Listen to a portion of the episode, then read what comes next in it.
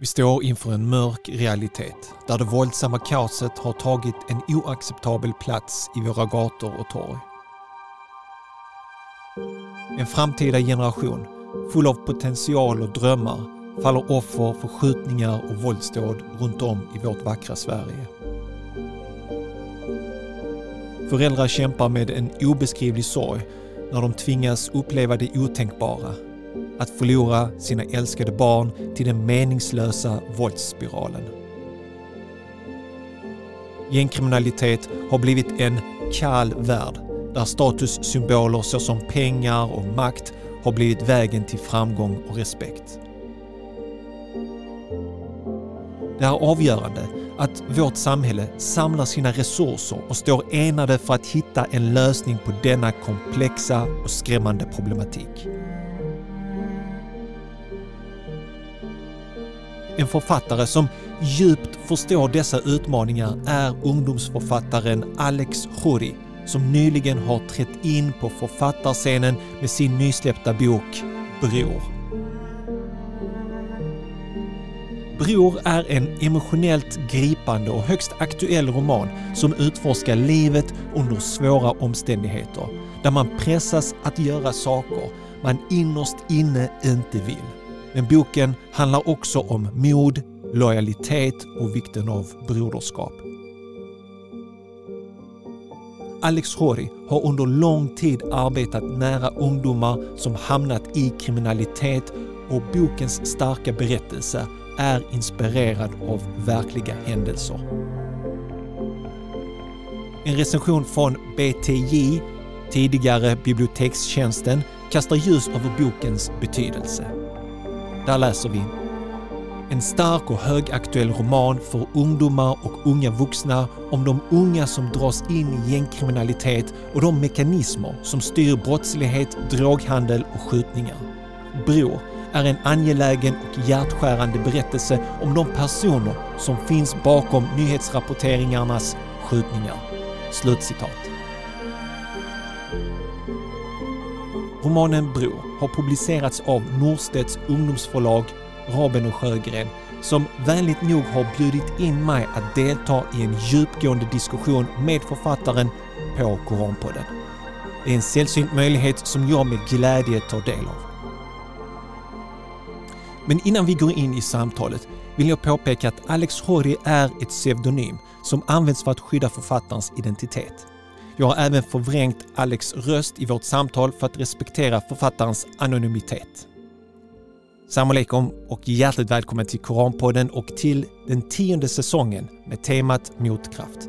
Jag heter Salih Tufekcioglu och detta är Koranpodden. Platsen där vi möter författare som inte bara inspirerar utan också visar oss vägen genom de stora utmaningarna vi står inför. Låt oss nu tillsammans fördjupa oss i detta samtal och utforska världen genom en ungdomsförfattares ögon. Häng med! Det är min stora ära och eh, samtala här med Alex Khoury som har skrivit boken Bror. Välkommen Alex! Stort tack Sally! Eh, förlaget hörde av sig till mig och eh, sa att eh, de har författare, eh, ny författare som har skrivit en eh, Eh, roman som handlar om eh, utanförskap, gäng och så vidare. Eh, och de undrade om jag var intresserad av att ha författaren på, eh, på podden och de var beredda att skicka ett exemplar av boken. Och jag tänkte så här direkt, jag bara absolut, det här är väldigt intressant. Jag vet inte vem författaren är, men jag tackar ja till detta. Ehm, och eh, sen kom vi i kontakt, pratade via telefonen och, eh, eh, och det som, var, som jag tyckte var spännande, det var att du lyssnar på Koranpodden. Mhm. Och du hade tipsat PR-avdelningen eh, om att fråga och vara med på Koranpodden. Så om vi börjar där, Mm. din relation till podden och hur du började lyssna på den. Nej men absolut. Men först ska jag bara säga, ja, Alex Khoury är min pseudonym. Ja. Jag är socialarbetare till vardags Mm. Och arbetar med ungdomar i kriminalitet. Och jag valde att skriva boken under- pseudonym för att jag har ett ganska starkt socialarbetarhjärta. Mm. Även om jag har alltid liksom närt en författardröm så tyckte jag att när jag skrev boken, som jag ändå ville skulle ligga nära verkligheten, Mm. så ville jag kunna fortsätta arbeta som socialarbetare efteråt. Mm. Och det sociala arbetet är ett liksom, relationsgame. Mm. Det är väldigt, väldigt viktigt att man är liksom, lojal mot sina klienter. Eh, och min bok är fiktiv, men min målsättning är ändå att jag dels ska kunna arbeta som socialarbetare framledes utan egentligen att behöva riskera att mina ungdomar ska tro att jag typ ska hämta romanstoff i deras liv Ja, och liksom precis. den kamp de går igenom. Mm. Ehm, så det är egentligen det liksom bärande skälet till att jag skrev under pseudonym. Innan vi kommer Mm. in till, till podden, Mm. eh, jättebra att du, du tar din bakgrund, men eh, när bestämde du för att bli socialarbetare och hur länge har du jobbat med det? jag har varit socialarbetare i sju år sedan jag tog min socionomexamen. Ja. Jag bestämde mig för att bli det när jag var runt 22-23. Mm. Hade läst lite olika utbildningar på universitetet. Men jag har nog alltid haft liksom ett hjärta som har lutat mot de människorna som har svårast i samhället. Eh, Mm. Tidigare var jag väldigt intresserad av att arbeta med missbrukare. Ja. Så det var liksom min ingång och jag arbetade mycket med den målgruppen. Men under den resan så började jag ganska tidigt inse att så här, de här killarna och tjejerna har någon gång varit unga Mm. och det ledde mig vidare till att arbeta med den yngre målgruppen. Så jag arbetar mycket med någonting som kallas för SIG, sociala insatsgrupper, som egentligen är när en ungdom har en väldigt hög oro att de befinner sig i en kriminell miljö. Mm. Så ska man samla hela ungdomens nätverk och då menar jag liksom föräldrar, en präst, imam, det kan vara en fotbollstränare, Eh, Ett holistiskt perspektiv Ja. på det hela. verkligen. Man samlar egentligen alla personer som är betydelsefulla i ungdomens liv Mm. eh, och liksom lägger en planering tillsammans med ungdomen. Så man bygger liksom starka relationer med dem ehm, och till deras vårdnadshavare och andra personer och liksom lägger en planering som ungdomen går med på. Mm. Och arbetar liksom väldigt långsiktigt. Det kan vara ett arbete som på- pågår under år till Mm. och med. Även om man helst inte vill att det ska pågå under år. Nej, precis. För man har liksom ett begränsat utrymme. Mm. Och det har jag gjort nu kanske, alltså arbetat på det sättet Mm. i olika roller ungefär i sex år skulle jag säga. Mm. Många som jobbar inom den här branschen, Mm. yrket, kan känna att det är väldigt slitsamt och jobbigt. Mm. Hur, hur är det för dig? Jag skulle nog säga att det är slitsamt och jobbigt. Ibland är det direkt fruktansvärt Mm. eh, om det går väldigt illa för en ungdom. Eh, men även om, de, även om det i de flesta fall kanske inte går bra för ungdomar för man kommer in för sent. De fallen när det går bra och en ungdom lyckas bryta en destruktiv bana. Mm. Bara det eh, liksom bidrar till att bära upp en så mycket att Mm. man får kraft av det. Sen måste jag också säga att just gängkriminalitet, ungdomars livsvillkor och sånt är ju typ mitt största intresse. Ja. Så jag arbetar också med någonting jag älskar med. Mm. Hemma vid så är man liksom nästan lite irriterad på mig för det är det enda jag vill prata om. Och även i vänskapskretsen också. Ja. Eh, Så jag tycker ändå att det är liksom ett väldigt uppbyggligt och energigivande yrke Mm. trots allt mörker man möter. För på, på något sätt så jobbar vi med samma målgrupp, alltså med unga. Jag jobbar som lärare Mm. och du jobbar med de här ungdomarna, men de som har hamnat lite snett och så. Eh, men det är just det där att, att hjälpa unga eh, att komma framåt. Mm. Det är någonting som vi kanske båda två delar. Och det, och det är samma sak för mig för att jag vill också att eleverna ska lyckas. Alla lyckas inte, Mm. eh, men de flesta gör. Eh, och eh, det är också något som ger mig energi eh, att jobba med människor, jobba med unga. Och där kan jag säga också att skolan är en jätteviktig partner som vi arbetar väldigt Ja. mycket med. För det är ofta de som upptäcker det tidigaste skedet om det Ja. finns en ungdom där det börjar gå snett för. ja. Så då tar de kontakt med oss Mm. liksom, genom kommunen. Mm. Eh, och liksom lyfter de här ungdomarna de känner oro för. Mm. Så att vi sen börjar arbeta med dem. Eh, för skolan är ju de som kommer mest kontakt med ungdomen. Mm. Alltså mer än föräldrarna i många fall också. Eh, så ni är en superviktig part i det. Och också med i planeringen. Ofta brukar det vara folk från skolan i de här nätverken när man Mm. arbetar med ungdomen. Mm. Så ja, vi arbetar mot samma mål. Så vi kommer till Koranpodden. Ja. Du, du skriver den här boken och eh, ni sitter i förlaget och tänker vi måste få ut ordet här nu Mm. eh, om den här boken. Hur, hur hamnar Koranpodden? Berätta. Ta oss till, eh, till eh, rummet där. Nej men min bok är utgiven på Rabén Sjögren som är Norstedts ungdomsförlag. Och de har valt liksom att pusha ganska hårt på den här boken. Så jag fick en, en kvinna som arbetar med PR. Mm. Och då tänkte hon att jag skulle vara med i några olika poddar och hade olika förslag. Mm. Och jag har ju länge lyssnat på Koranpodden, så Okej. då dök Koranpodden upp i mitt huvud. Ja. Eh, och att jag ens har lyssnat på den, det är kopplat till att jag är väldigt intresserad av religion. Mm. Det har egentligen varit hela mitt liv, men islam kanske de senaste tio åren. Mm. Um, och när jag sökte kunskap om islam så gick jag in och kollade på liksom, vilka är de trendande poddarna på temat religion. Ja. Och där har ju alltid Koranpodden legat i toppen. Ja. Liksom i religionsspiritualitet-delen Mm. liksom, av Mm. topplistorna. Mm. Så jag började lyssna, fast nej, vet du vad? Jag måste ta det tillbaka ännu längre. Det började faktiskt med att jag lyssnade på föregångaren till Koranpodden. ja, just det. Som jag helst vill glömma.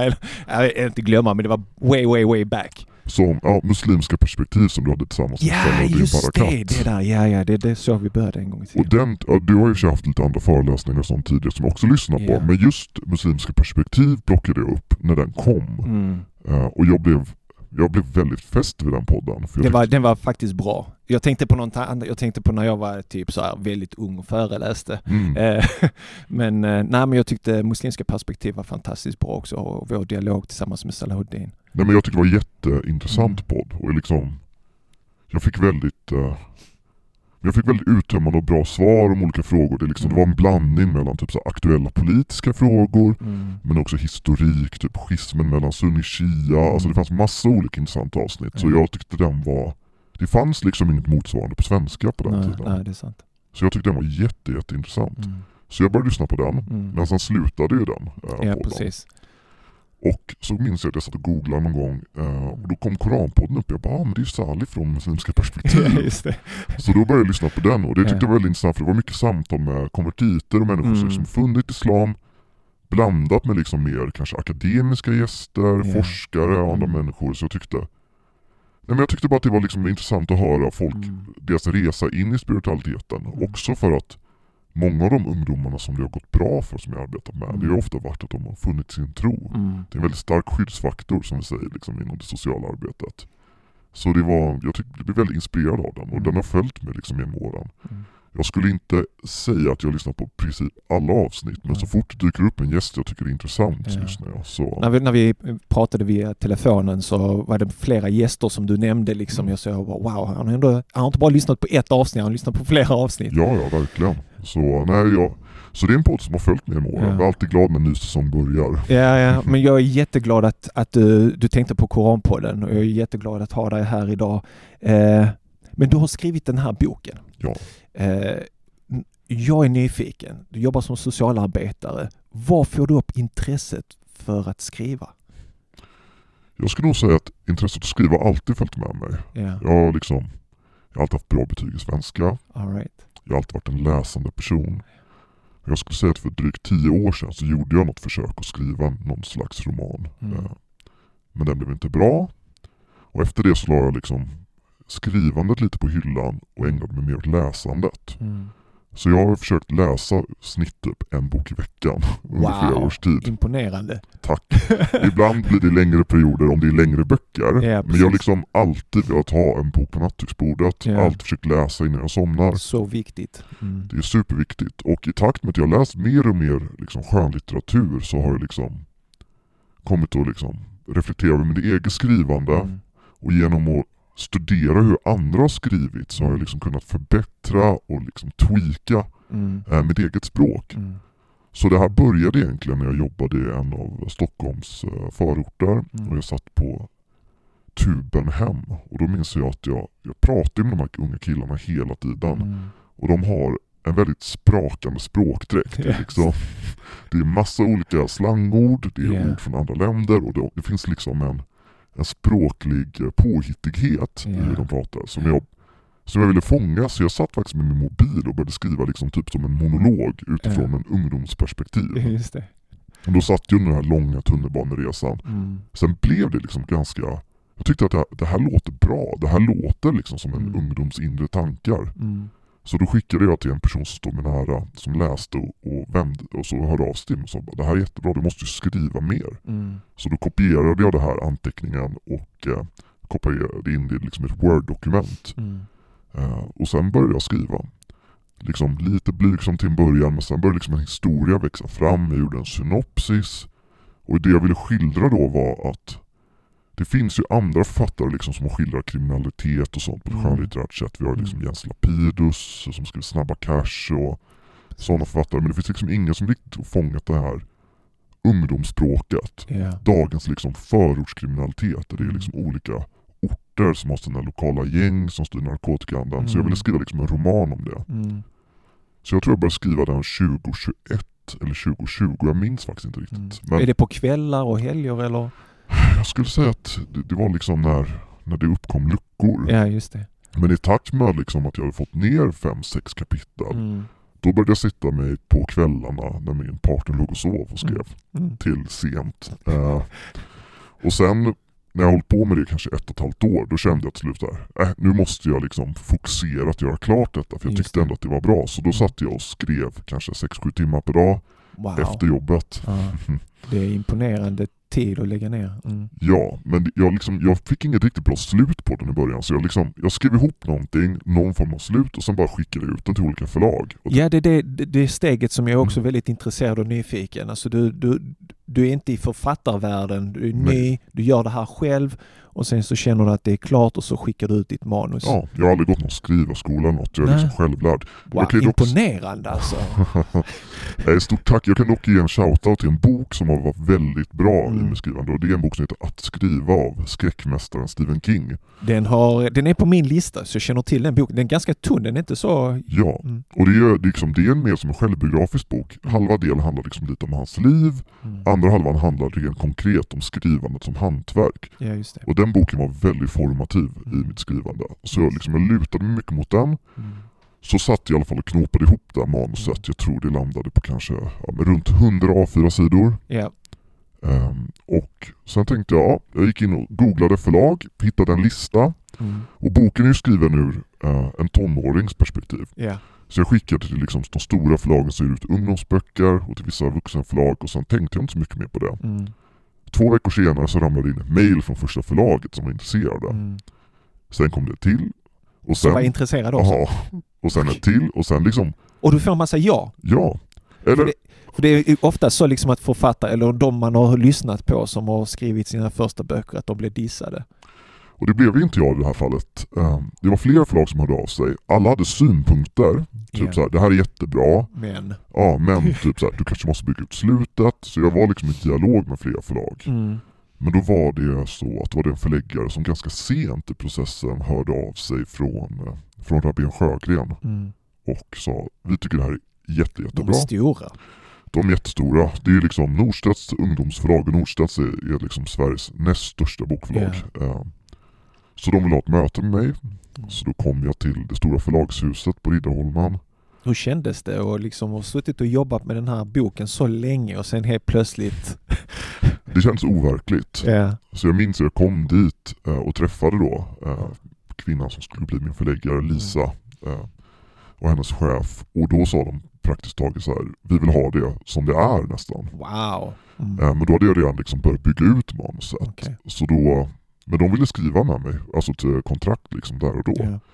Så då signerade jag avtalet och så skickade jag till dem det jag hade lagt till. Mm. Eh, och sen började liksom processen med att bearbeta manuset och sånt. Mm. Eh, men det, är liksom, det var den resan och jag tror dock, jag vill inte säga att jag har haft ganska stor tur, för om det är något ämne som verkligen har liksom dominerat nyheterna och Mm, liksom ja. Samhällsklimatet och samtalen så är det liksom gängkriminalitet. Mm. Och då skrev jag liksom en bok eh, på det ämnet Mm. som uppenbarligen enligt dem var väldigt välskriven Mm. och kändes aktuell. För Mm. det kommer hur många bra manus till förlagen som helst men det kan Mm. vara liksom att det kanske, att de inte ser den liksom kommersiella eh, aspekten i det. Utan det är viktigt liksom att det är någonting som ligger rätt i tiden också. Mm. Och där hade jag stor tur. Så jag är ödmjuk liksom inför det faktum. Mm. Men de var jätteförtjusta i manuset. Ja. Så sen började en väldigt lång process efter det med liksom lägga till, stryka den här punkten, lägga till det komma Hade du en person från förlaget då som hjälpte dig att bolla fram och tillbaka eller? Först var det med min förläggare, med Lisa. Mm. Vi körde liksom tre, fyra omgångar. Hon kanske så här, lägg till ett kapitel från skolgången, ta bort Mm. det här kapitlet. Mm. Och efter det så var det en eh, redaktör som kom in, som Mm. gick in mycket på det språkliga men också innehållsmässigt och sånt. Ja. Efter det så var det en utomstående liksom, lektör som läste det, så det är värsta processen. Är det jobbigt? För det, är liksom ditt hantverk, det är som en tavla, du har målat den så, så kommer det in massa personer som ska ha massa synpunkter. Det kan vara lite jobbigt ibland eller? Det kan vara jobbigt, Mm. men jag bar med mig tips som Stephen King skrev i den här boken. Okej. Och det är litar alltid på redaktören. Ja, de De- har erfarenheten. De har erfarenheten, de vet vad som blir bra Mm. och när jag jämför liksom det ursprungliga manuset med slutresultatet så blir det så här: wow! Ja, Alltså det här är så mycket bättre. ja precis. Även om det var bra i början också. Så. Det här är liksom, det blir en helt annan nivå. Mm. Men du vet, jag, är så fascinerad av processen. Alltså, du har lagt ner så mycket tid och energi och så många personer som har kommit in. Och sen köper jag den och så betalar jag några slantar och sen så läser jag det på en vecka. Det- Alltså att människor är medvetna om arbetet som har lagts ner på det. Det, det fascinerar mig med alla böcker, filmer, konst överlag liksom. Nej men jag håller med dig, det är, alltså, det är en otroligt tidskrävande process. Ja. Och liksom, folk har ju svårt som det är att få ihop sina livspussel. Mm. Så det är ingenting jag skulle rekommendera till någon som känner att de inte har tid. Ja. Men det är samtidigt också väldigt tillfredsställande att skriva. Ja. Det känns som att man kanske får ge utlopp för Mm. tankar, funderingar, känslor som liksom är svårt att ta sig uttryck på andra Mm. sätt. Mm. Så jag är jag tycker skrivandet nästan är meditativt. Ja, precis. Man stänger av liksom mina vanliga bekymmer och andra tankar liksom som brukar liksom plåga en eller följa med en. Utan bara fokusera på här och nu och den här berättelsen som växer fram. Ja, precis. Så jag tror inte jag skulle kunna leva utan skrivandet. Jag skriver varje dag. Så härligt att höra. Vill du berätta lite grann om boken? Mm, absolut. Jag arbetade ju med en grupp unga pojkar när jag skrev den här boken. Ehm, Så jag var väldigt intresserad av att skriva en bok om unga killar som dras in i kriminalitet eftersom Mm. att det är det jag möter. Så jag har ju sekretess i mitt jobb. Mm. Jag kan liksom inte skriva om dem jag arbetar med. Ja. Så jag skapade en person, en ung kille som i början av boken är 14 år som heter Hussein. Hussein är egentligen en ganska vanlig förortskille. Han går i skolan, har, lever med sin morsa. Hans Mm. pappa är försvunnen.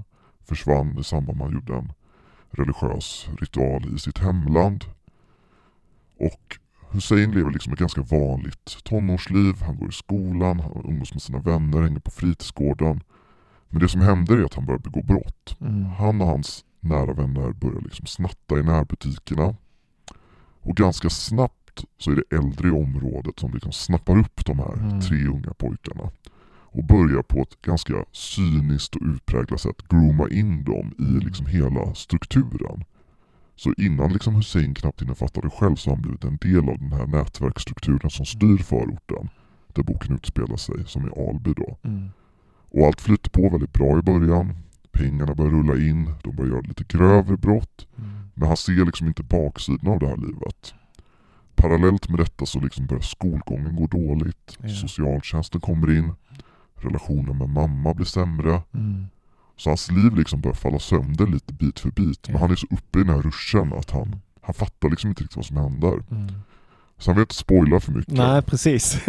Men det jag kan säga är att det blir väldigt mycket allvarligare. ja. Så man får ju följa honom ungefär i tre år tror jag i Mm. boken. Från liksom de första brotten Mm. till slutet då. Mm. Ehm, och vad som händer däremellan får ni läsa. Men tanken var liksom att försöka skriva en autentisk skildring över hur det kan se ut när en ung pojke i Sverige idag dras in i kriminalitet. Nu tog du ordet från min mun. För att när jag läste den, om jag kan summera den med ett ord, så är det autentisk. Um, alltså när jag läser boken, det är som om Hussein själv hade skrivit den här boken. Hussein finns på riktigt. Det, här är autentiskt. Eh, sättet de tänker, det de upplever, språket, allting. Ehm, varför är det så viktigt att skildra Husseins liv autentiskt? Jag tänker att om det finns någonting vi läser mycket om idag så är det unga pojkar som begår fruktansvärda brott. Mm. Men det stannar ofta där. Det blir 15-åringen misstänks för mord. 16-åringen sköt ihjäl gängrival. Man läser kanske någon bisats om att personen har varit liksom Mm.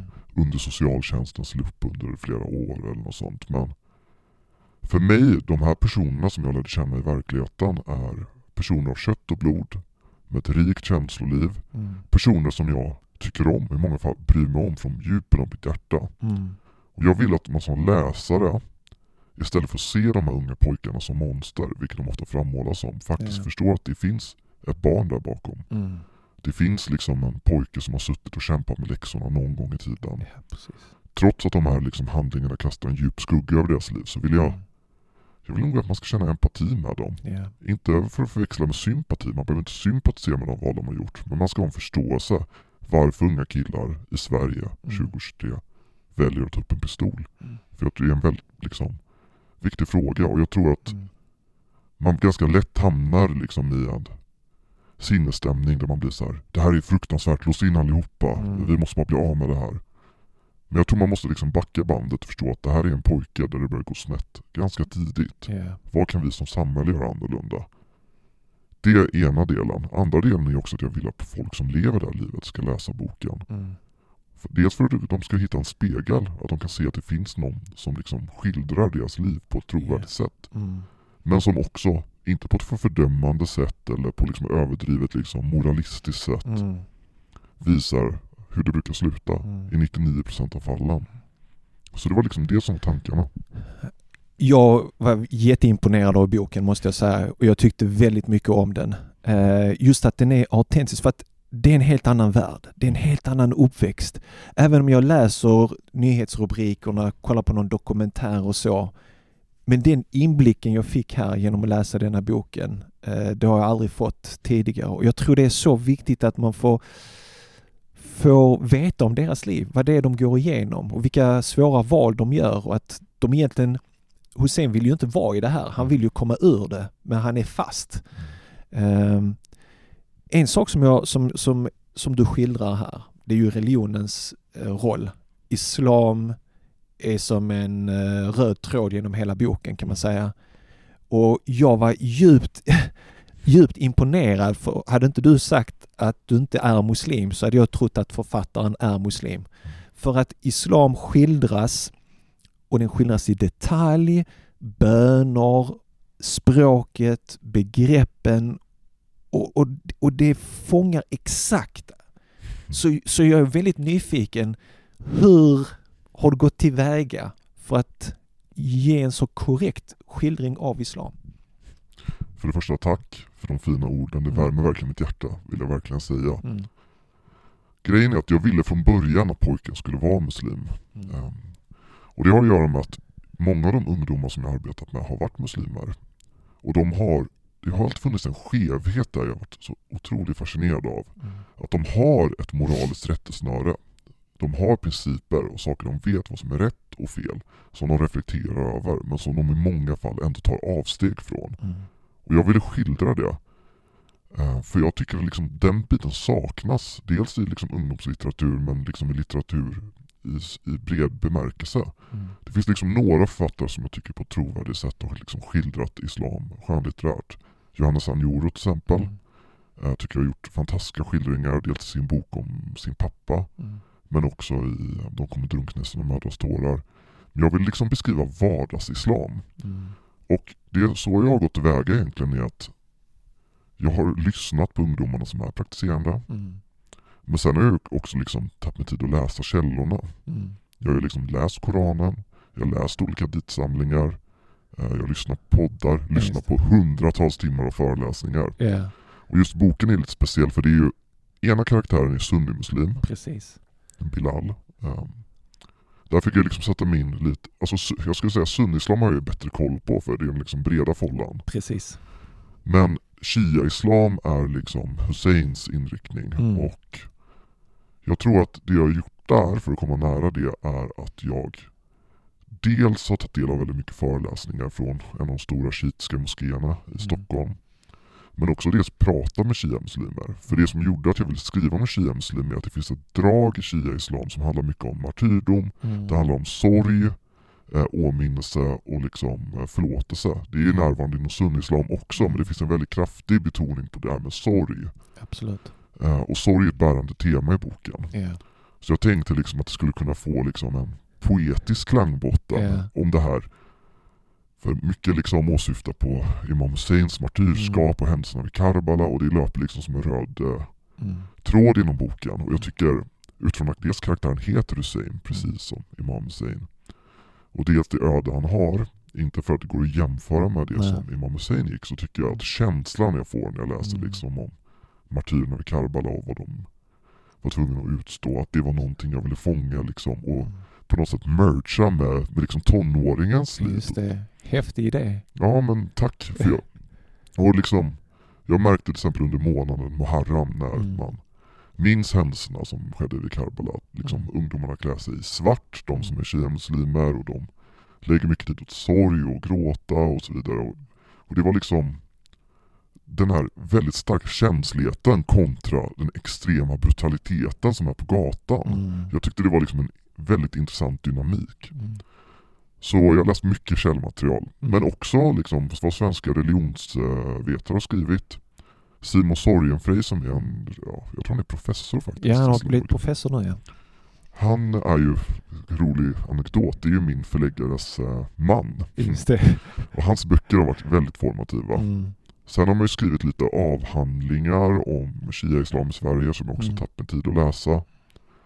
Men det som jag tror jag var mest intresserad av att skildra var liksom islam i vardagen. Mm. Bönerna, Mm. Fastan. fastan. Jag tror boken, eller boken börjar liksom under månaden Ramadan. Ja precis, och Och det- så snattar de. Alltså det är också Mm. den här kontrasten som du visar på att de har en tro eh, med en viss moral och etik och sen så utöver de handlingar som direkt strider emot det och de på något sätt hanterar det. Att Ja. de två bollarna är... Ja. Ja men precis, och det är också någonting jag liksom varit fascinerad för även liksom innan jag började arbeta med detta. När jag följt liksom den svenska gangsterrap-scenen. Mm. Folk släpper liksom musik som typ uppmanar till våld. Ja. Men för sen liksom lägga upp en post på Instagram bara Nu är det Ramadan Ja. så nu ska man inte släppa någon musik typ. Såhär, det. Mubarak. Alltså, Ja. såhär, då blir jag, jag blir såhär, oj, såhär, det här är intressant dynamik. Så det är det jag vill skildra väldigt mycket. Och det gör du på ett fint sätt, alltså på ett autentiskt sätt också. Mm. Och det uppskattar du säger det. Och grejen, en annan grej som var liksom drivande detta är att många av de här ungdomarna jag arbetat med, oavsett om de varit liksom sunnimuslimer, shia-muslimer, kristna i många fall, eh, ortodoxa eh, eller vilken riktning de än har haft, så har liksom religionen varit alltid en närvarande del i deras liv. Mm. Och jag tror när många tänker på Sverige idag så tänker de liksom Sverige är ateistiskt eller liksom postsekulärt och Mm. att religionen inte har liksom en tydlig roll i folks liv. Mm. Men min bild efter att ha arbetat med ungdomar i många år är att den är väldigt närvarande. Ja. Och i många fall så är den också ungdomarnas räddning. Ja. För det, det, det finns ju många församlingar Eh, i de här orterna, i de här utsatta områdena och vi har också muslimska profiler som jobbar aktivt med att försöka hjälpa och då ett, ett ankare eller ett sätt att nå de här ungdomarna det är ju att nå liksom genom tron. Eh, prata om ett liv efter detta, kan du verkligen stå upp för det här? Har du, tänker du på det? Eh, och, och, och många gånger har man ju träffat många som har lämnat den kriminella världen och där religionen har varit en viktig roll. Och det, det är kanske inte sånt man direkt läser om i nyhetsrubrikerna och så utan det är oftast på det negativa. Vad är dina tankar kring det? Där tycker jag att du med Koranpodden har gjort ett jättebra jobb. Jag du- vet inte om jag når de här ungdomarna. Det är det som är grejen. Det finns andra profiler, vi kan nämna dem vid namn. Ja. Musa Sall till exempel. Som, som kommer från det området, som, som kommer från en generation som kan det där språket. Jag är helt off. Mm. Det, jag erkänner det liksom. Jag är medelålders man, skåning, lärare dessutom på det. Jag kan nå en viss grupp, men jag tror Mu- Musa Sall och övriga unga praktiserande muslimer kan nå dem där och de gör ett jättestort arbete och ett viktigt arbete som inte värdesätts. Mm. Istället hängs de ut. Mm. Eh, De, de hjälper dem ut från gatan, de hjälper dem bort från brottslighet och de får inte ett tack för det. De får inte något stöd utan istället måste de hängas ut och hantera det. Nej, men jag håller med. Men det vill jag bara säga att jag tycker att det du har gjort ett bra jobb är ju faktiskt att Mm. lyfta fram personer som har lämnat kriminalitet genom Ja. islam. Då har jag flera väldigt intressanta Ja. gäster Mm, som jag lyssnar på. mm, Men ja, absolut, hatten av för Musa Sall. Han gör ett otroligt jobb. mm, mm. Han är ju också en slags socialarbetare, Ja, arbetar med ungdomar till Mm. vardags också. Och han är inte ensam. Nej. Och min bild är liksom när en tragedi drabbar en förort, Mm. då är det trossamfunden som är där. Ja, precis. Det är liksom kommunens uppsökande verksamheter, men så är det trossamfunden. Mm. De finns alltid där och erbjuder tröst och är närvarande på ett sätt som jag tror liksom majoritetssamhället inte förstår. Mm. Och ja, jag tror det finns liksom en inneboende misstänksamhet mot personer som är religiösa i det svenska majoritetssamhället. Och det är antagligen därför man hänger ut personer Mm. Som hjälper folk att lämna kriminaliteten för de tycker att de kanske är för religiösa. Precis. Ja visst, de tar dem från kriminalitet men tar dem in i något annat. Mm, mm. Ehm, men det är inte så jag ser på det. Nej. Jag, alltså, varenda person man kan rädda undan gatan, Mm. oavsett hur religiösa de blir, Ja. tycker jag är en vinst för samhället. Precis. Sen att man är religiös så länge man inte bryter mot lagar, alltså får man vara religiös. Vi har religionsfrihet. Så bort från kriminalitet, laglydig medborgare. Sen får han tro hur mycket han vill på Gud och på änglar och, och sådär. Det, det är ju inte något problem för samhället. Nej, men jag håller med. tror. Jag håller med fullt ut och jag tycker liksom att, jag tror att mycket av det här grundar sig dels okunskap Mm. om religionen. Jag tror det finns mycket desinformation Mm. som pushas ut kring, alltså folk drar liksom likhetstecken Ja. mellan liksom olika diktaturstater kontra liksom religiositet. Det är som att de tror att slutmålet när folk blir religiösa är att de Mm. kommer liksom upprätta någon form av kalifat Ja, ute i förorten. precis. Vilket är väldigt långt ifrån. Ja. Alltså, även de här väldigt djupt religiösa människorna jag Mm. träffat som har ändå gjort en hel omvändning. Ja, Det som är mest utmärkande för dem är att de börjar liksom skaffa jobb. precis. De börjar gå upp, sköta sin dygnsrytm, sköta Ja. sin hälsa, sluta med droger. Mm. De blir också bättre söner till sina familjer, eller döttrar också för den delen. Ehm, och de liksom uppfyller sin samhälleliga plikt. Mm. Sen vad de fyller sin fritid med, om de vill sitta liksom för sjunkan över Ja, en bok. ja, Det tycker jag inte samhället har något att göra Ja, med helt ja, ärligt. Eh, det som skildras i boken också, det är ju att det är, de har olika religioner. Du har sunni, du har shia, du har en kristen och ibland tjafsar de m- mellan de här olika religionerna. Man känner igen det där. Eh, De kan tjafsa men i slutet av dagen så är de ändå vänner. De får det att fungera. Mm. Det är inte något religionskrig mellan de här kidsen. Mm. Har du sett det i... Du skildrar det också? Jag har sett det väldigt mycket. Ja. Och det är ofta tjafs. Och det kan vara ganska rått tjafs. Ja. Jag vill säga, boken har ett väldigt grovt språk. Ja. Extremt grovt språk. Och det handlar också om att jag vill skildra det autentiskt. Det är autentiskt, Ja. precis. För jag, jag kommer ihåg att du nämnde det när vi pratade eh, förr så sa du bara, jag, jag, jag vill bara säga till dig så här att det är ett grovt språk. Eh, och så jag bara, ja okej jag förstår. Sen läste jag så bara, ja absolut det är ett grovt språk. Men vad ska man göra? Ska man censurera det? Ska man ändra på deras språk? Ska det vara autentiskt så måste vi ju ha det. Vi måste ju veta hur de pratar med varandra och problematisera också hur man pratar till varandra. Om man använder det här språkbruket, är det verkligen rätt att göra så? Mm. Eh, Och jag tror det mycket av det sprunget Det finns en kultur mycket i förorten. Mm. Man rostar varandra. mm. Att man liksom hjärtligt förolämpar varandra. Ja. Ofta på väldigt grova sätt. Nästan med Ja. lite så chock. Man vill efter någon chockeffekt. Ja, Och man pratar liksom illa om olika folkslag, man pratar illa om olika minoriteter och Mm. om varandras religioner. Men min bild ändå är, trots att ungdomarna har de här religiösa tjaften, Ja. så är det alltid med glimten i ögat. Det finns liksom kanske inte någon riktig illvilja bakom det. Min bild är snarare, det finns liksom väldigt lite sekterism, Mm. utan ungdomar från olika liksom religiösa inriktningar eller med olika religioner Mm. samspelar Mm. och visar ganska stor vördnad för varandra. Mm, mm. Om någon person till exempel vill lämna kriminaliteten för att bli religiös, min bild är att det möts liksom av djup respekt även från personer av andra religioner. Ja, Att man ser ändå det som något eftersträvansvärt. Mm. Typ så här, ja men det är ändå min målsättning att längre fram också bli en bättre muslim. ja, Alltså. Jag kanske inte är där nu men Ja. good for him.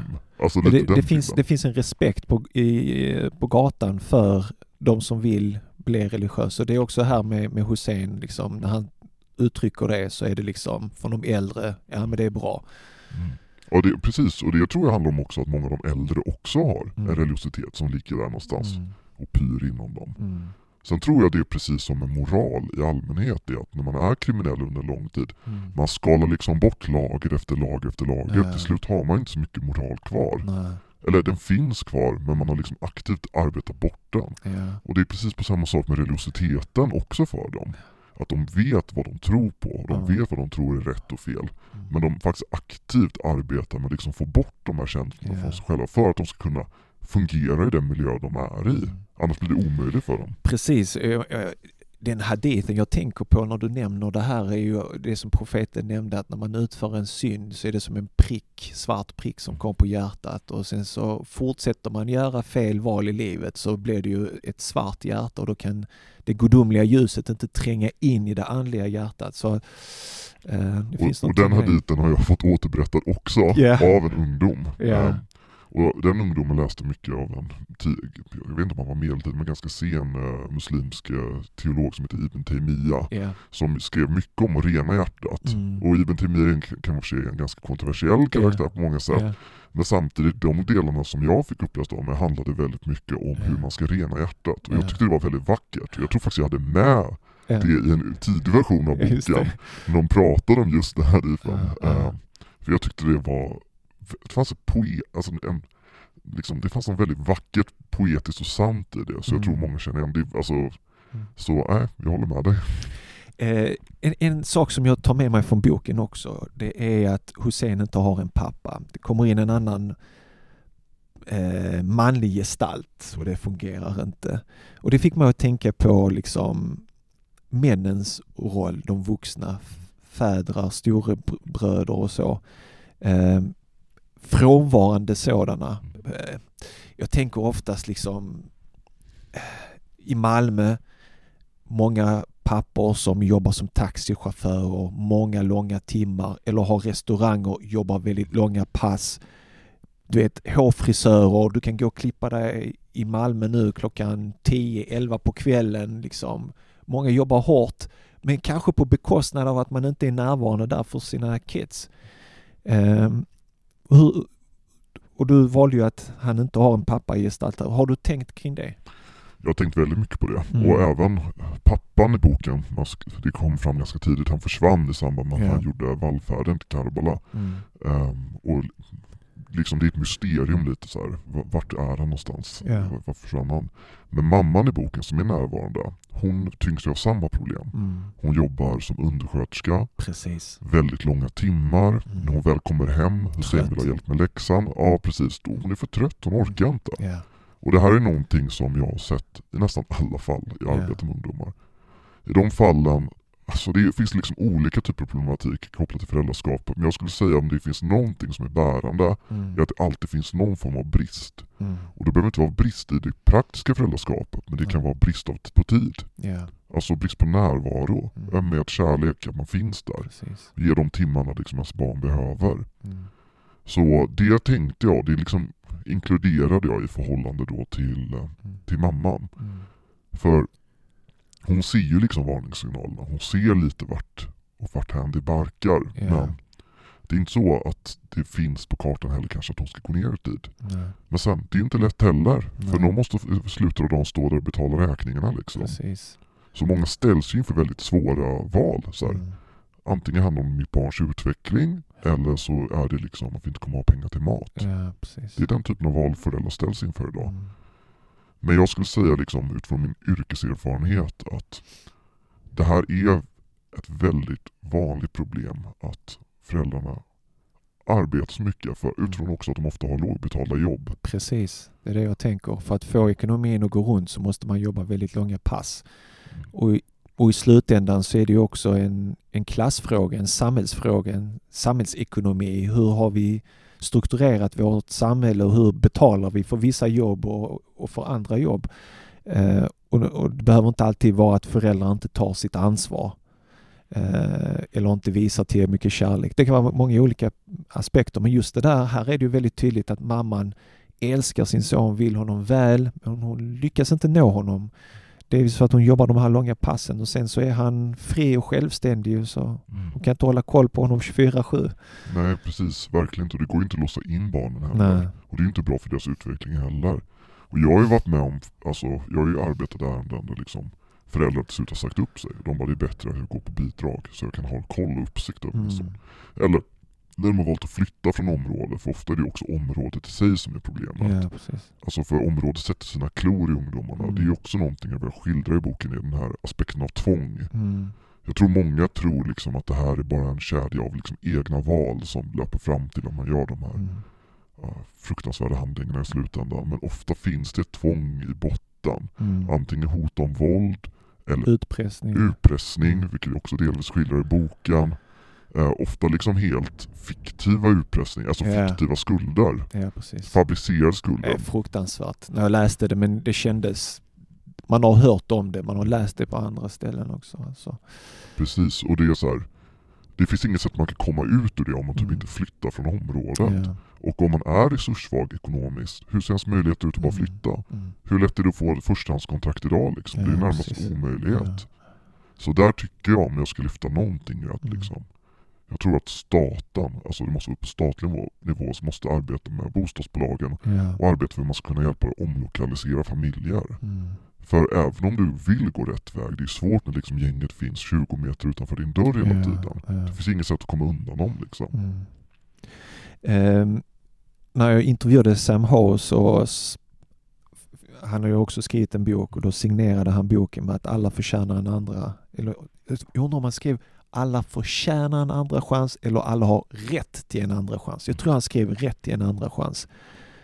Vad är dina tankar kring det? Du jobbar ju som socialarbetare så jag förmodar att... Jag kan säga att alla förtjänar inte bara en andra chans, alla förtjänar hundra chanser. Ja, För grejen är att de problem vi ser idag i samhället är Mm. till syvende och sist samhällets ansvar att lösa. mm, Och alltså att ungdomar ens hamnar i kriminalitet handlar ju om att människor känner sig så pass utanför samhället att det blir ett naturligt val för dem att ta liksom djupare och djupare avsteg. mm, Jag tror att om vi ska kunna råda bo på de här problemen mm, så måste personer som även gjort de mest avskyvärda handlingar den dag de kommer ut till verkligheten igen ja, kunna ha ett insteg till någon form av jobb, till någon form av boende som kan stärka upp dem och ge dem en annan typ av identitet. mm, Ens handlingar som man gjorde när man var ung ska inte behöva hänga liksom som en djup skugga över dem resten av deras liv. mm.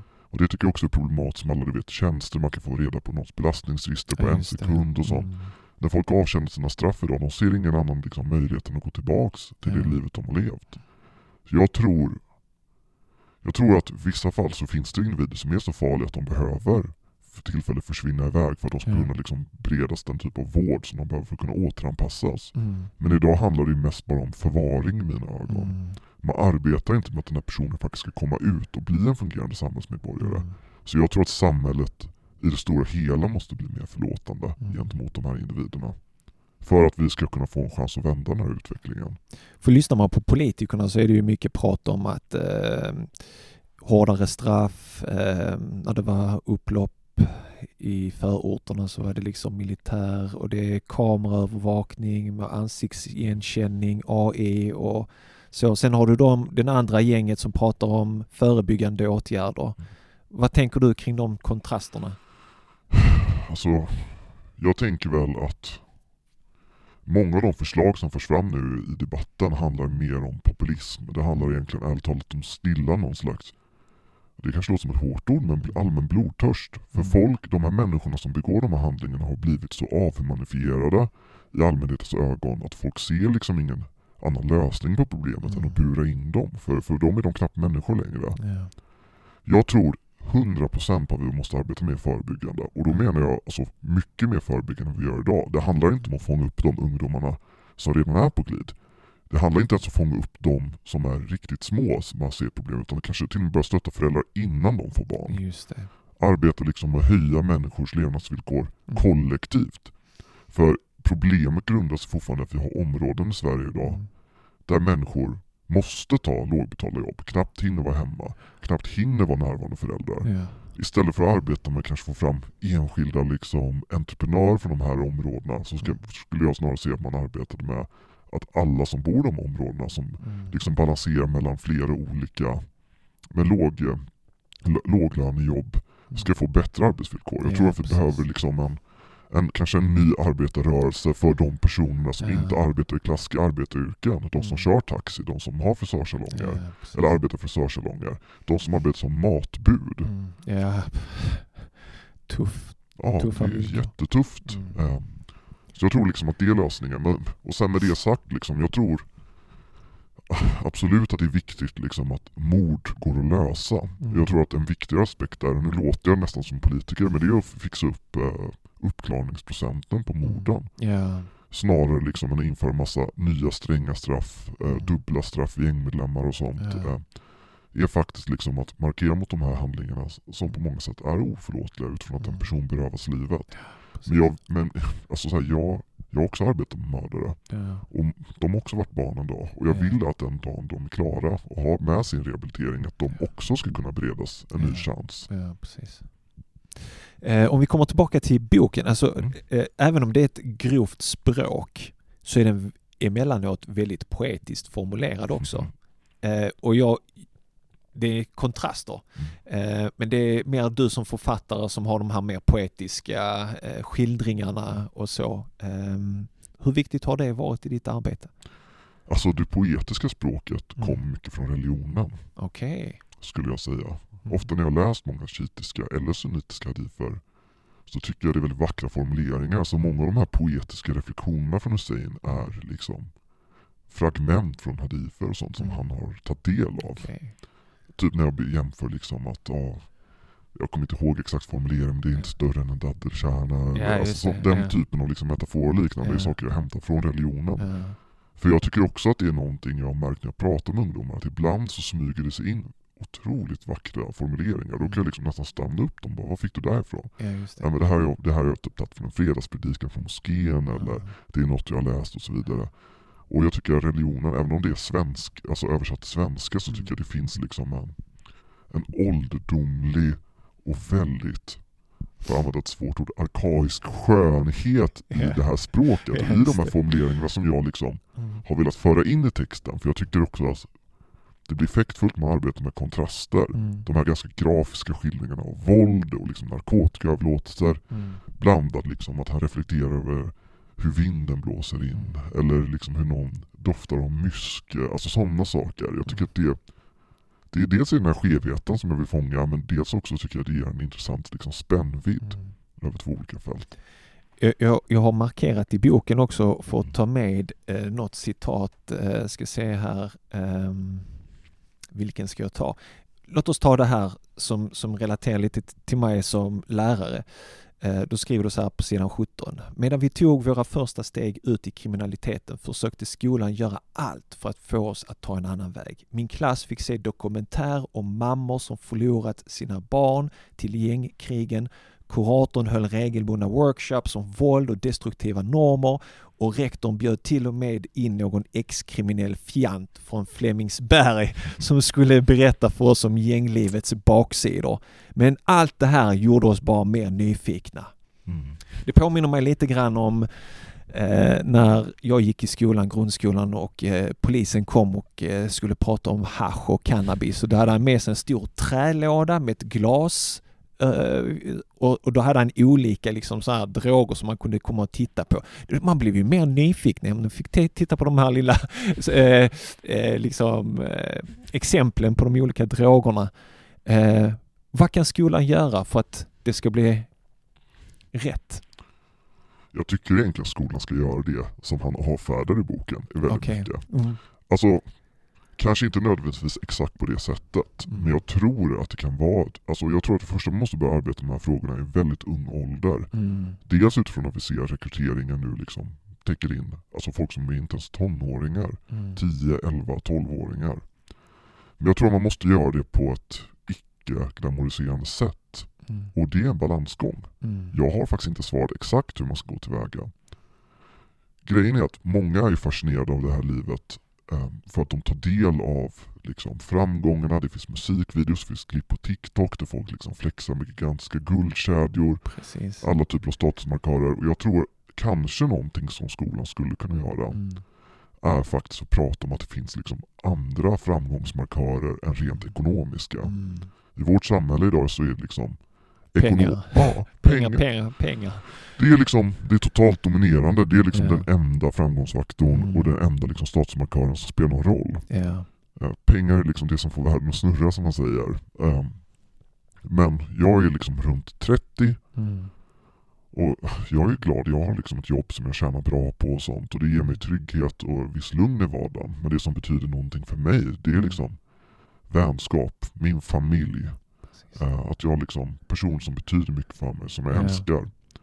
Och jag tror att om man skulle lyfta fram de här värdena och arbeta med, med dem, mer med dem och också peka på att man kommer förlora allt det här om man väljer den här vägen.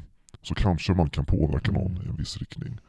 Och där, där spelar också religionen en viktig roll. Uh, alltså jag pratade med en kollega också, kollegan frågade varför ska de alltid skylta med sina liksom, uh, guldklockor och allt det här, smycken och så vidare. Och Och då reflekterade jag, jag tänkte, jag vet inte svaret, men kanske beror det på att när hjärtat är död så vill man liksom bara eh, investera i sitt yttre Mm. och inte investera i sitt hjärta. För när man läser religionen, liksom, eh, hur enkelt profeten levde och hans följeslagare levde, deras fokus var på det efterkommande livet med insikten om att allt som jag har här i jorden kommer jag lämna, kommer inte ha med mig. Det enda jag har med mig är mina goda handlingar, min tro. Ehm, och, och där tror jag eh, och samma, oavsett om det är islam, kristendom eller whatever, alla religioner är ju i, mer eller mindre eh, fokus på det här efterkommande. Och där tror jag att religionerna kan spela en roll om vi kan nå ungdomarna. Eh, det är en helt annan fråga, men det är liksom våra moskéer. Har vi program? Hur når vi dessa ungdomar? Och, där, där, behövs det, där behöver vi tänka självkritiskt och förbättra eh, och nå dem. Jag håller med och det du nämner där alltså. Jag vet ju liksom att både inom islam och kristendomen, asketism och klä sig enkelt sånt är ju, Ja. är det, en, Jesus levde väldigt enkelt. det gjorde han. Och Ja. även jag vet att jag fick återberättat också av en ungdom. Du får ju rätta mig om jag har fel här, men de, det var i samband med att de pratade om ett stort bröllop som skulle hållas i den här förorten. Mm. Och då berättade den här ungdomen att på profetens tid så slaktade man ett lamm och så bjöd man på regnvatten. Och det, det behöver inte vara överdådiga liksom guldgobelänger Ja. och allt flash och allt som finns Ja, med det. Viktiga där är väl liksom föreningen, kärleken, Ja. äktenskapet. Och ungdomar kan inte gifta sig för att kostnaderna är så stora, Mm. gigantiska. Och det, det är inte i enlighet med religionen. Religionen är väldigt enkelt. Verkligen. Jag tycker liksom att om man skulle kunna höja upp asketism som en dygd eh, och arbeta med att det handlar kanske snarare om ens inre resa, ens inre Exakt. utveckling och gör det till liksom, att det är det nya coola Mm. så tror jag man har kommit en ganska bra bit på vägen. Mm. För det är ju ekonomin i många fall som är den stora drivkraften. Ja, precis. Eh, Så, sen är ju självklart liksom fruktan, statusen som kommer med att man Mm. är fruktad är någonting som vissa går igång på. Ja. Men de allra flesta gör ju det här för pengarna. Ja. Du nämnde även tjejer Mm. eh, här i samtalet. Ehm, den här boken handlar ganska mycket om killar. Eh, men eh, i ditt arbete, vad fyller tjejerna för funktion? Jag har ju träffat tjejer som är typ nätverkskriminella också, men de är försvinnande få. Mm. Jag skulle säga att tjejerna i många fall fyller liksom en funktion som dels som flickvänner i många fall, Mm. partners, eh, men också personer man är ute efter att imponera på. Mm. Och tjejerna är precis som killarna också marinerade i det här hyperkommersialiserade samhället. Och för dem så blir det ju också attraktivt att närma sig en kille som Mm. har de här statusmarkörerna. Så jag tror man måste arbeta värderingsmässigt med båda grupperna. Mm. För många vill, alltså kärleken är slutmålet även för de mest förhärdade kriminella också Ja. i många fall. Mm. Men sen också, min bild är att de flesta tjejerna också agerar motpoler. Alltså tjejer som är i relation med sådana här killar, de blir väldigt sällan ledsna när de lämnar den här livsstilen. Mm. Man skulle kunna tro att de skulle vara så ah nej nu kommer jag förlora den här materiella statusen. Mm. Men för många av dem så är det viktigast att de har sin partner kvar i livet. Mm. Um, Men jag skulle säga att de inte, alltså det, även om det finns liksom tjejer som utnyttjas för att förvara narkotika och sådana Mm. saker.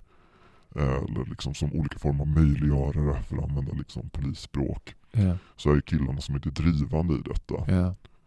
sk- Men jag tror det kommer förändras också. Min bild är ändå att det här börjar bli liksom en trend i samhället att vara kriminell. Mm. Och om det är någonting jag märkt i mitt arbete att det är även människor som på pappret i alla fall, eller alltså har det gott ställt. De Ja. har liksom föräldrar som arbetar med högstatusjobb. Eh, De kan få egentligen allt de pekar på, som ändå vill bli kriminella. Då är vi väldigt snett ute på Ja, det. det börjar bli som en subkultur nästan. Ja, Eh, Och då, ja, precis, och det, alltså, det, gör det, än, det fördjupar ju problemet ja precis. Istället för att vi hittar en lösning så blir det ännu värre.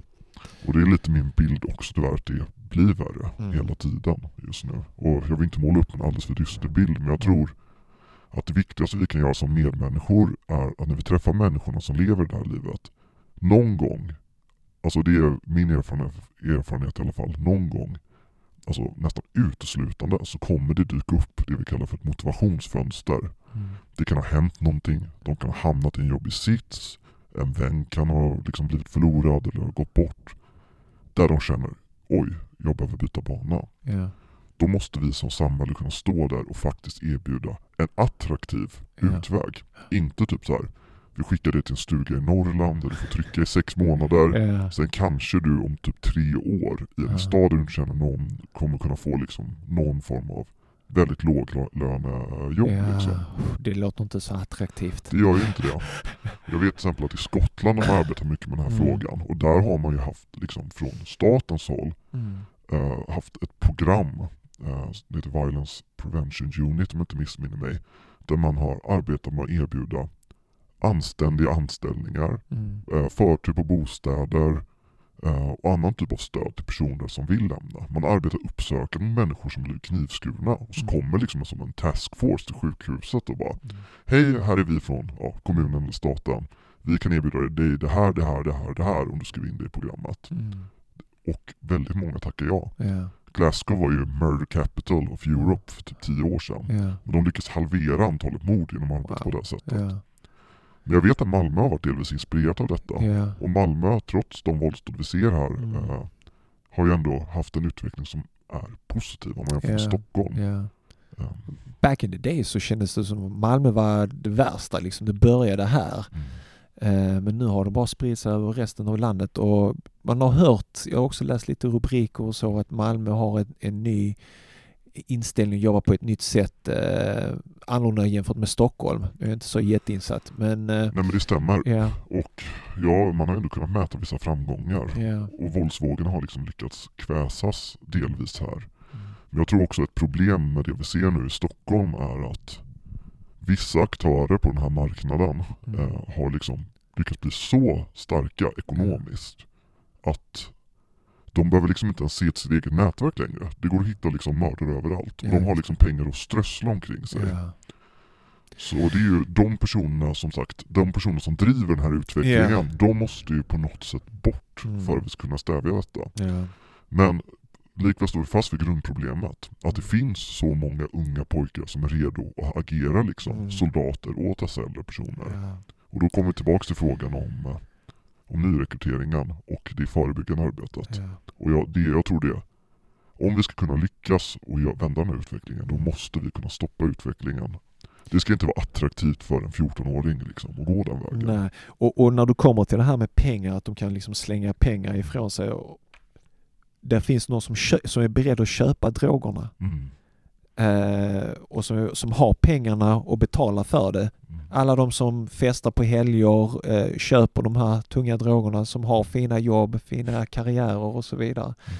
Och man får inte glömma den delen av problematiken också. Att om, slu- om människor slutar att ge pengar åt droger så kommer den inte vara lika stor marknad. Nej, verkligen så.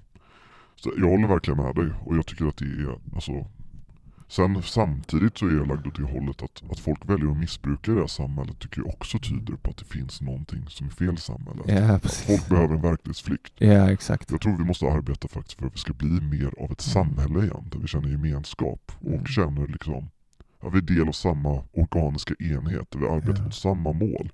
Där man kan träffa en person på gatan och inte se den som en konkurrent på marknaden. Mm. Utan någon som man har liksom en djup gemenskap med. Mm. Att vi är del av och arbetar mot samma sak. Ja. Men det, så här, att bygga gemenskaper det är ingenting man kan bara göra, bestämma att man ska skapa. Nej, Men jag tror att vi måste arbeta liksom i den riktningen. ja. Och jag tror också att det här har blivit en stor fråga nu är ju för att våldet har börjat klättra in i de mer välbeställda Just det. områdena. Mm. När det tidigare bara var ett förortsproblem Ja. så var det man såhär, okej, ja det är hemskt att folk dör. Men Ja. det är fortfarande ja, en halvtimmes bilfärd från där jag bor. Men nu är våldet överallt. Och nu blir det helt plötsligt liksom tal om militär och, Ja, och liknande. Så jag tror att det är liksom en del av problemet. Om vi börjar se våra, alltså om vi skulle se varenda person som dör som Ja. en medmänniska Exakt. och känna empati med den. Lika mycket värd som någon annan människa. Ja, verkligen. Och nu ska jag inte bli alltför politisk här men jag såg ju i samband med att den här nya våldsvågen har blossat upp så höll Mm. vår statsminister liksom ett tal till eh, nationen. Ja. Där han adresserade detta och i början av talet så, ut, så här, sa han att han kände med och delade sorgen med ett antal personer. Mm. Men då nämnde han bara de civila offren. Ja. Han nämner inte en 17-åring som kanske har ett narkotikabrott som Ja, skjuts precis. ihjäl. Mm. Och jag tycker att det kanske är symptomatiskt på något sätt för människosynen. Mm. Jag tror det är viktigt att vi känner lika mycket för alla personer som förolyckas. Det är jätteviktigt, speciellt de här sista orden, se alla människor som lika mycket värda. Mm. Vi får aldrig avhumanisera och tappa och göra skillnad på människoliv. Då är det illa ute. Vi Och det där med militären, det har jag synpunkter kring som samhällskunskapslärare för att militärens uppgift är yttre fiender. Polisen sköter det inre. Eh, och vi som har eh, ursprung i många andra länder som har kommit till Sverige som en demokrati har lämnat länder där man använder militären mot, de, e-, mot, de, mot den egna befolkningen. Och jag menar, nu är det inte så att vi pratar om att vi ska ha liksom eh, pansarvagnar som patrullerar på svenska gator och torg, men bör vi liksom eh, eh, inte vara hårda på den gränsdragningen och börja släppa där så, så vet man aldrig var det hamnar sen i slutändan. Sen har det varit politiker som bara rent ut har sagt skicka in militären i Rosengård och andra områden, men det är, det är populism. Men eh, först ändrar man på retoriken, sen följer polit, polit, eh, politiken det också. Jag håller med. Och jag kan ju, alltså det är ju alltid en slippery slope också. Exakt. För det vi kan se, i början sa man ja men militären kanske bara ska hjälpa till med typ så här kartläggning och vi Ja. kan deras analysverktyg. Mm. Men nu när man tillsätter utredning så ska man också se över möjlighet att de kan bruka våld. Ja, det är ju helt bisarrt alltså. Jag håller med. Och jag menar, i Sverige har vi ju ändå en historia. Vissa kanske känner Ja. till Ådalen-händelserna. Ja, precis. Då sköt man ner demonstranter. Ja. Och efter det så blev det väldigt tydligt avbräck. Ja, Vi ska inte sätta in militär mot egna folket. Exakt. Men folk har ett kort minne, tyvärr. Det är så. Hur går det med boken nu? Jag skulle säga att det går hur bra som helst. Jag Ja. är väldigt, väldigt tacksam. Mm. Eh, Recension har kommit in. Recensioner har kommit in, recenserats i Kristianstadsbladet, Borås Tidning och sen kom en eh, stor recension i Dagens Nyheter. Mm. Och jag skulle säga att det har gjort stor skillnad. Jag är jättetacksam. Recensionerna har varit väldigt positiva. Mm. Och att ens recenseras som ungdomsboksförfattare är tydligen väldigt ovanligt. Ja, ja. Så jag är väldigt tacksam. Jag, om jag går in liksom på Stockholms bibliotek och kollar så är det liksom 26-27 personer i kö varenda exemplar. Ja. så häftigt. Och det är inte bara där, det är hela Mm. Sverige. Uppsala, Södertälje, även här nere i. Göteborg. Um, köerna är långa och att det är folk som vill låna boken. Mm. Det tyder kanske också på att det är folk som kanske inte har råd att köpa boken. Precis. Vilket gör mig glad för då betyder det att det kanske är den målgruppen jag vill nå som Ja. läser den. Ja. Så den går jättebra. Jag är, jag är faktiskt oväntad. För jag har ändå haft en bild av att folk kanske inte läser den utsträckning de Mm. borde göra i Sverige. Precis. Men det har varit en debatt nu på senare tid som handlar mycket om att vi måste få upp ungas läsvanor. Ja, det är jätteviktigt. Jag skulle säga att det är hur viktigt som helst. Ja. Det är ju så man bildar sig själv också. Ja. Jag har läst boken och jag tycker att det ska vara en obligatorisk läsning för alla som brinner för den här frågan men också som vill sätta sig in och få en autentisk liksom, inblick i de här unga människornas liv. Eh, för det är viktigt att vi känner till, att vi vet, att vi inte dömer rakt ut, att de också är människor och som du säger, har haft en barndom, försökt göra sina läxor, fattat felaktiga beslut. Det är ett samhällsproblem vi har eh, och det är jätteviktigt att vi känner till det för att försöka hitta lösningar. Eh, jag, jag tyckte det var en jättebra bok. Den är autentisk. Ehm, och jag rekommenderar den starkt alltså. Tack Sally, det Så- värmer.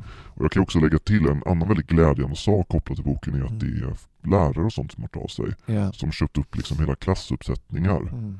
Så alltså jag tänker att om en enda ungdom som Mm. är på väg in i den här miljön läser den här boken och kanske får en andra tanke, Mm. då är jag nöjd. Mm. Och utifrån den islamofobiproblematik som vi har i samhället också, att du ger en sån fin beskrivning av min tro, så nyanserad och så autentisk. Det uppskattar jag verkligen, för jag tror det är så många människor som kommer att läsa den här boken och få en mer nyanserad och rik, riktig och berikande bild av vad islam är och hur den liksom är i människors liv. Och då är det unga i förorten med den problematik som de har. Men eh, stort tack för det. Stort tack Sally. Och jag hoppas också, som ett litet tillägg på det, att det här kanske leder till att folk söker kunskap om Islam. Ja, när de förstår vilken otroligt rik idétradition det är. Ja. Och hur mycket det finns att gräva ner sig, hur många olika riktningar det finns. Eh, Och hur mycket skönhet det finns inom islam som religion. Det är en hel ny värld kommer öppnas upp för dem om de börjar läsa om det. Tack så mycket Alex. Tack för att du kom. Tack Sally. Tack för att du lyssnade på mitt samtal tillsammans med Alex Khoury om hans debutroman Bror. Det som jag särskilt tar med mig från mitt samtal är Alex och hans syn på religionen och i synnerhet islam som en läkande kraft för dessa ungdomar.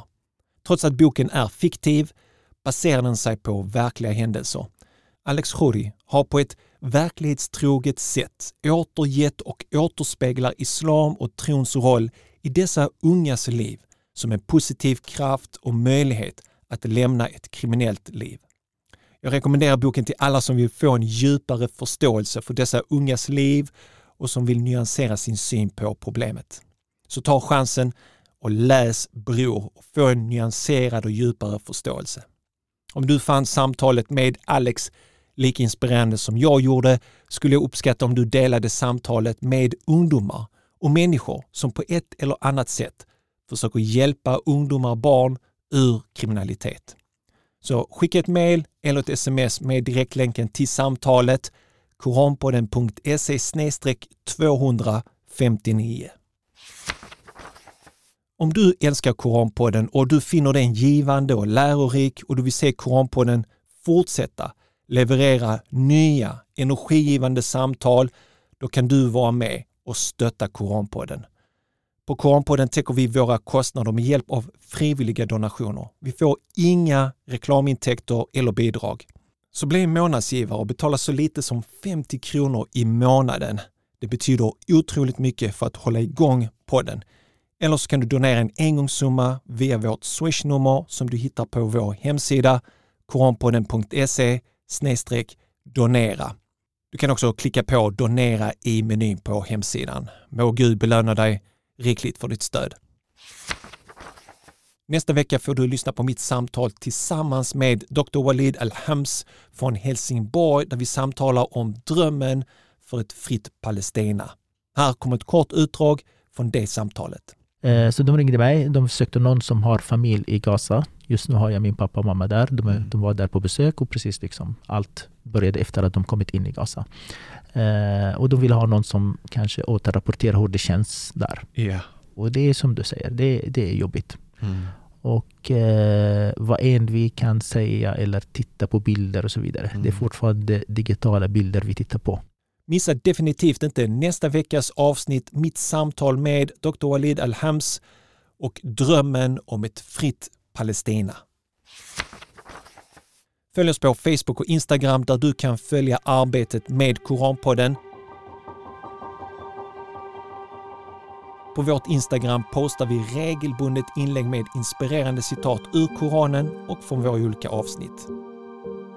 Vill du komma i kontakt med mig eller du vill tipsa om någon som du definitivt vill att jag samtalar med här på Koranpodden så gör du det lättast genom att mejla mig direkt via hej koranpodden.se.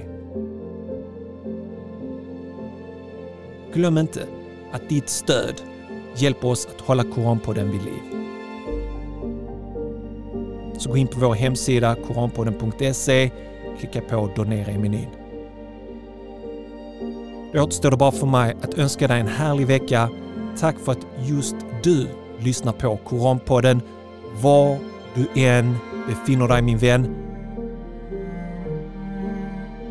Vi hörs igen med ett nytt poddavsnitt. Ta hand om dig tills dess. Salamu alaikum wa rahmatullahi wa barakatuhu. Må Guds frid och välsignelser vara med dig.